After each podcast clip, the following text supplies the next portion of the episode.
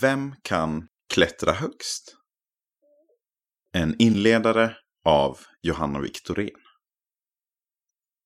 För några år sedan åkte jag till en klätterhall med min klass på en idrottslektion. Klätterväggar av olika svårighetsgrad reste sig högt upp mot taket i hela hallen. Höjdrädd, klättervan eller nybörjare. Alla skulle ge det åtminstone ett försök.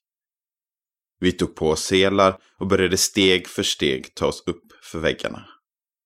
Det blev snabbt uppenbart vilka som hade gjort det här förut och var mest våghalsiga. Och vilka som var mest osäkra.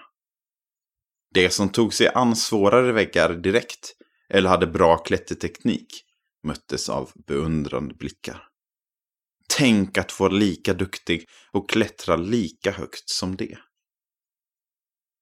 En vilja att klättra högt och tendens att placera andra och sig själv på en sorts gradskala. Från duktigast till minst duktig. Häftigast till minst häftig. Bäst till sämst. Känns igen inom andra områden än i klätterhallen. Inte minst kan det kopplas till status. Vilket är vad det här numret av insidan handlar om. Hur påverkar statustänkandet vårt liv? Kan statustänkande finnas även i kyrkan? Vad kallar Gud oss till och vilka säger han att vi är?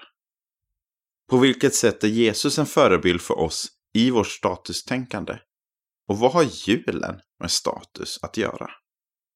Detta och mycket mer hoppas vi kunna besvara. Vi ber.